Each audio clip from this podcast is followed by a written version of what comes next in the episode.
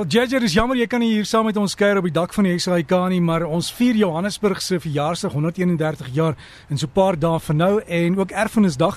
Waarheen is jou pad? Môre Dirk. Nee, ek sal nie te ver op se kant toe, maar ek sal vir jou sê ek is nou net deur Hartbeespoort spoor dam area en as daar so iemand is wat vir jou sê dat hierdie indringerplante 'n bogsvul is, wil ek graag hê hulle moet kom kyk hoe lyk die dam op die oomblik met hierdie waterhyassinte. Ai, jy ongelooflik. Ai, jy jy ja, sterkte. Ons op die water kan loop. JJ dan het ek so 'n paar SMS'e gehad. Ek het ek het vroeër was hier so 'n paar Haridas op die dak wat verskriklik raas, maar Haridas is eintlik goed vir die tuin, hè.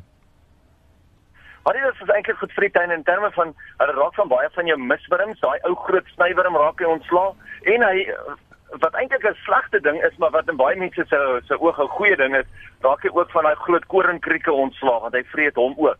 Nou kyk, daai koringkrieke is eintlik 'n goeie ding in die tuin want hy vreet jou slakke en jou naakslakke vir ons.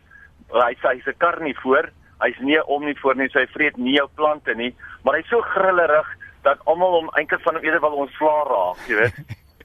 En JJ dan is daar ook die jacarandas wat begin blom in Johannesburg gaan hulle baie blom met die die droogte toestande in die binneland hierdie hierdie jaar.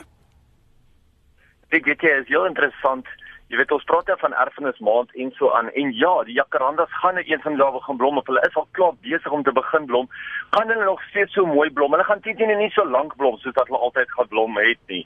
Hulle sal definitief nog net so mooi blom. Maar jy sal sien die die die, die blom is en hulle sal baie van korter duur wees tensy ons nou begin reën kry want geruk, gelukkig reageer die jacarandas baie vinnig op water wat hy kry. Nou interessant genoeg dat Johannesburg eintlik baie meer jacarandas as Pretoria het en dat Pretoria die jacaranda stad genoem word, maar Johannesburg spog met baie meer as Pretoria. Hm. Ek het nou vir erfenismaand het ek nou ook so 'n paar goedjies gaan oplees oor die plante en so aan van Johannesburg. Nou ja, daar is verskeie plante wat genoem word na Johannesburg en byvoorbeeld ons almal ken al die verskillende rose soos die Johannesburg Sun wat 'n baie bekende een is, die Johannesburg roos wat ook 'n bekende een is. Dan is daar natuurlik een van ons uitheemse plante, jou Melaleuca, dit is die Johannesburg Gold en dit is natuurlik net 'n algemene naam. Maar weet jy, Dirk, as jy mense deur die dorpe en die stede ry, dan wonder mense altyd Waar kom al hierdie bloekombome vandaan? Hoekom is daar so baie bloekombome in Suid-Afrika? En weet jy, heel interessant is dat 'n groot gedeelte van Johannesburg was eintlik in net toe die toe die eeu gedraai het in die 1900s was dit eintlik aangeplant geweest met bloekombome as stitpale vir in die myne. So daar was in die eerste 10 jaar was daar 600 000 bloekombome aangeplant in en om Johannesburg. En toe het hulle agtergekom maar dit groei eintlik beter in die laafveld. Toe plant hulle dit in die laafveld en hulle vervoer dit terug Johannesburg toe.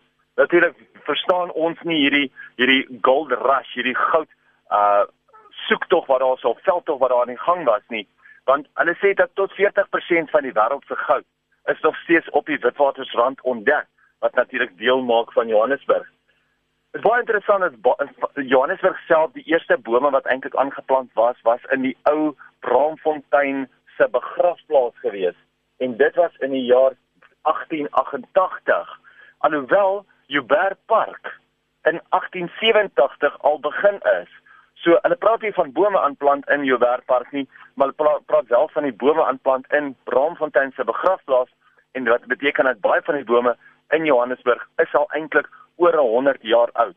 En dit is ook dalk waar die gedagte of waar die idee vandaan kom dat Johannesburg die grootste mensgemaakte woud in die wêreld is. Jy weet baie van die ander stede alhoewel ons val nie onder die top 10 van meeste bome in die stad nie. Ons val wel ons is heel eerste uh of heel grootste mensgemaakte woud in die wêreld. En dit gaan oor die feit dat ons so baie plante aangeplant het. Dit is nie dat die, dat ons 'n stad gebou het in 'n natuurlike woud nie. Onthou Johannesburg is eintlik maar net 'n droë grasvlakte gewees met hierdie daar 'n uh, waterspruit. Ek meen as 'n mens uh kyk na baie van jou name sal ek vir jou sê Olifantsfontein en al daai van name. Vertel vir jou van die verskillende spruite wat daar sou was in die in Johannesburg en omgewing maar dit was nie baie bosagtig nie. So al die bome en al die natuurlike plante wat ons sal daar kry is alles aangeplant. En van daar het ons die naam as die grootste mensgemaakte woud in die wêreld. Interessant dat Johannesburg ook die grootste stad in die wêreld is wat nie teen die see of teen 'n groot rivier lê nie.